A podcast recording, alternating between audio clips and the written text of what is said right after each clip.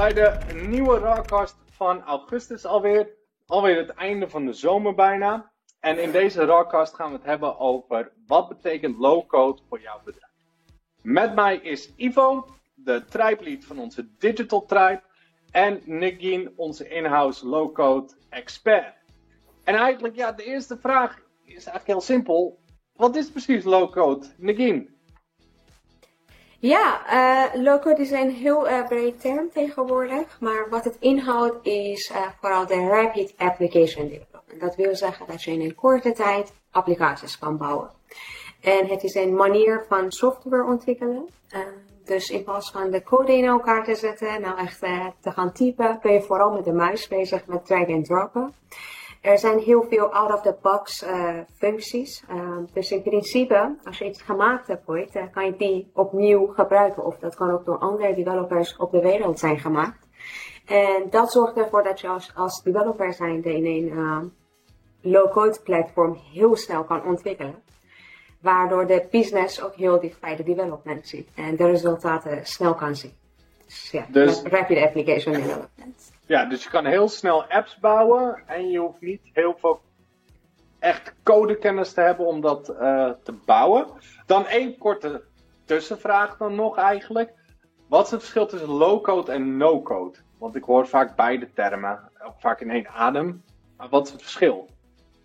Hele goede vraag. Uh, eerst terugkomend op jouw opmerking. En je, je moet wel eigenlijk codekennis hebben.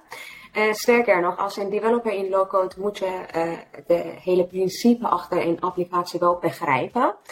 En het verschil tussen low-code en no-code is eigenlijk heel simpel. Uh, met no-code, bij de limitation van, van het platform waarmee je no-code neerzet, heb je geen manier om, om dat te extenden, om dat te uitbreiden met de oplossingen, met incoden.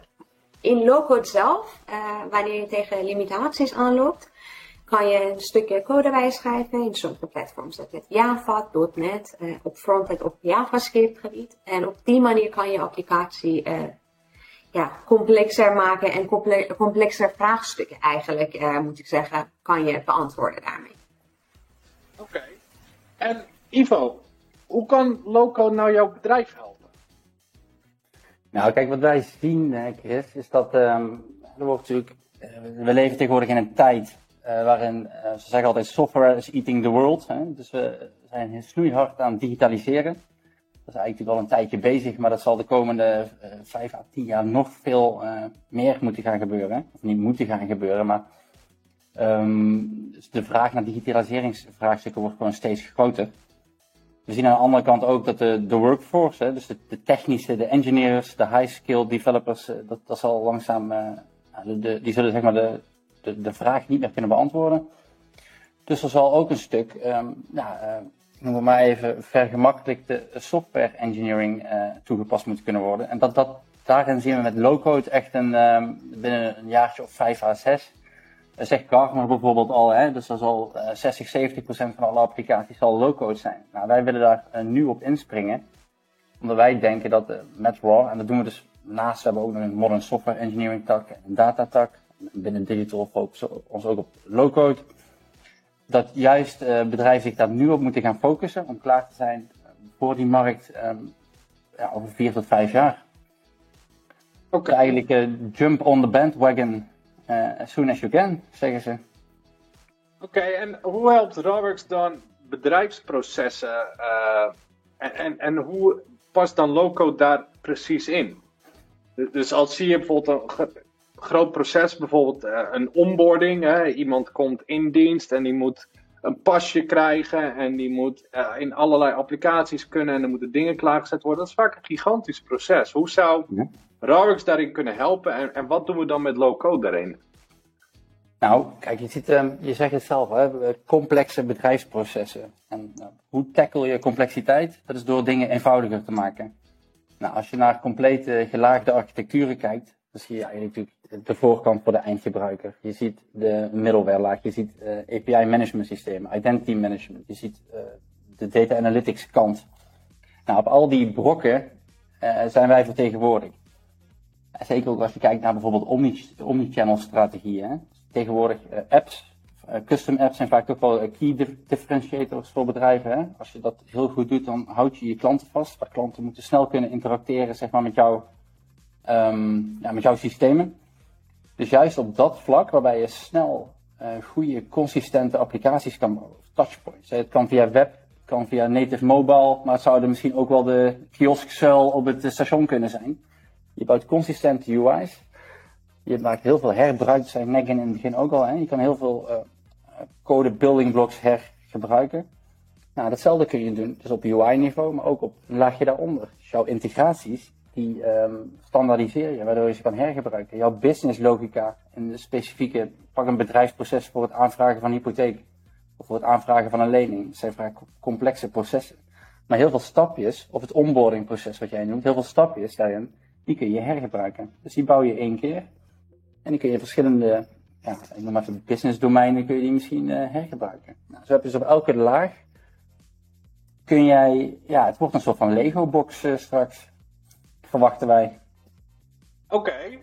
dat klinkt wel heel erg interessant. Dus dan zou je eigenlijk, dus je pakt allerlei processen en dan pak je je Lego-box en dan ga je kijken wat past daarbij en hoe kan ik dit automatiseren en, en versimpelen. dat versimpelen, zeg je, is namelijk heel erg belangrijk.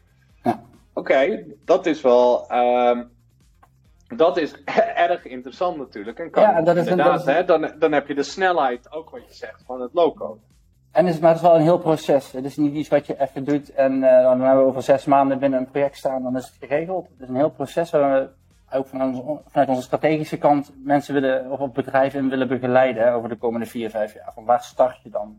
Wat is slim om eerst te doen? Waar wil je over drie jaar staan? Ja, bijvoorbeeld ook de doels, de andere doelstelling die wij vanuit digital hebben, van hoe worden bedrijven nou data-driven? Dus hoe maken ze beslissingen op, op basis van hun data? Nou, dat kan alleen als jij, zeg maar even, dermate verre automatisering en standaardisering toevoegt. Je weet dat dat werkt. Daar komt um, de juiste data, de juiste beslissing, er komt de juiste data uit. Er kunnen de juiste beslissingen uit worden genomen met zekerheid en niet meer op onderbuikgevoel. Daarmee hou je tijd over voor nieuwe innovatie. Nou, dat is een lange termijn traject. Waar een low-code eigenlijk een van die blok, eh, building blocks is die wij eh, in willen zetten. Maar ik kan me ook voorstellen dat dan bijvoorbeeld wat ook heel erg belangrijk wordt, wordt eerst zo'n proces heel erg duidelijk krijgen. Dus gewoon eens een proces op papier zetten.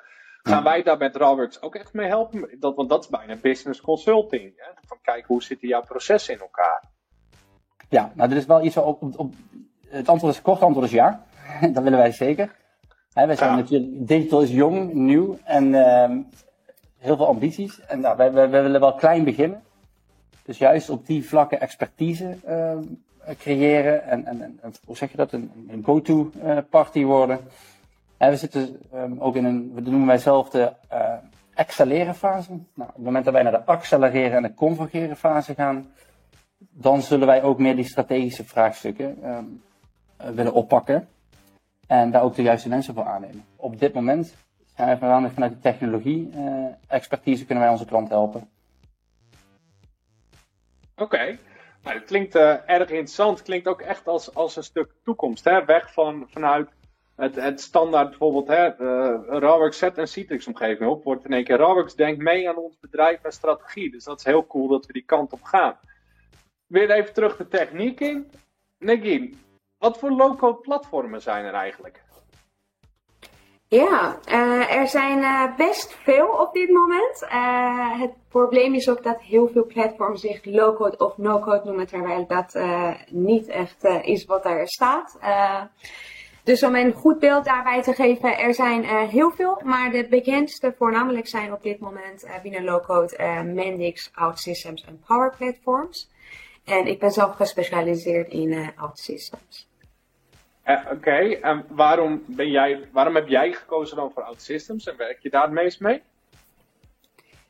Ja, uh, OutSystems is uh, heel erg breed. Dus behalve de development gaat het om DevOps.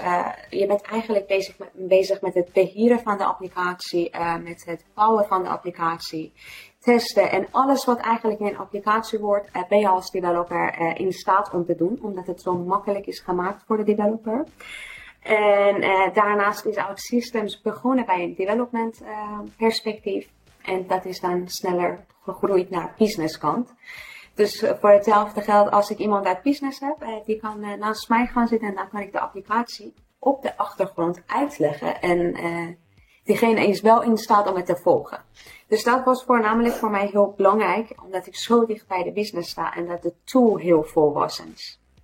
Ja, Oké. Ik, ik denk dat ik daar ook aan, nog aan kan toevoegen. Hè. Dus het, het partnership dat wij met OutSystems hebben, is ook ontstaan uit een vertrouwen dat wij hebben in een, in een, lokale partij, noem ik hem even. Het is geen lokale partij, hè. het is een mondiale partij uit Portugal.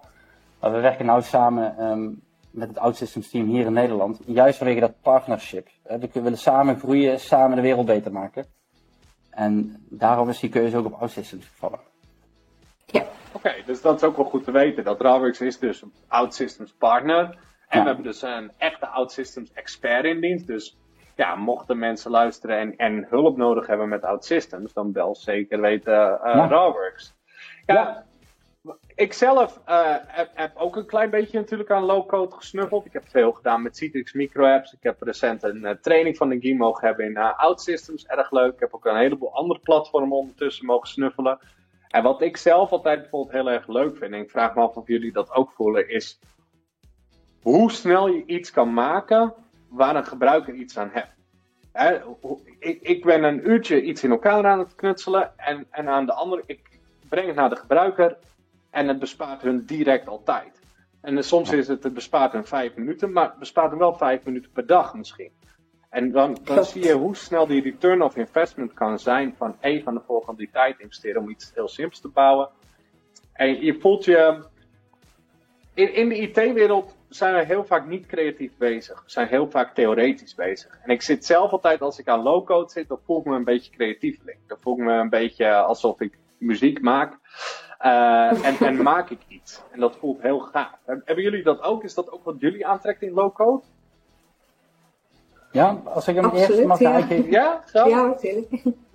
Wat, wat, wat ik eh, heel tof vind, ik ben het helemaal met je eens, hè, maar ik word bij wijze van spreken niet meer warm van een, eh, een button en een schermpje en dat, het, het werkt.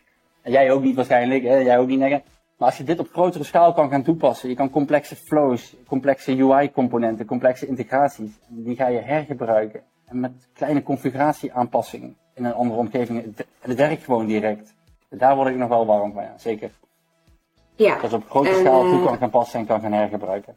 Oké. Oh ja, dat- zeker weten. Ja. En daarnaast eh, denk ik voor, een, eh, voor mij als developer zijnde, ik vind het ook heel fijn wanneer ik, het is mij letterlijk overgekomen dat eh, ik in een demo zat. En er kwam een vraag van de klant van, nou kunnen we dit even anders hebben. En tijdens de demo heb ik dat kunnen toepassen en heb ik het ook direct kunnen laten zien. Eh, Ja. Dus als eh, developer zijnde word ik ook heel blij van om snel eh, de waarde kunnen terugzien in wat ik heb gemaakt. Ja, dat is wel echt heel gaaf. Dat is wel ook echt het voordeel inderdaad van low-code.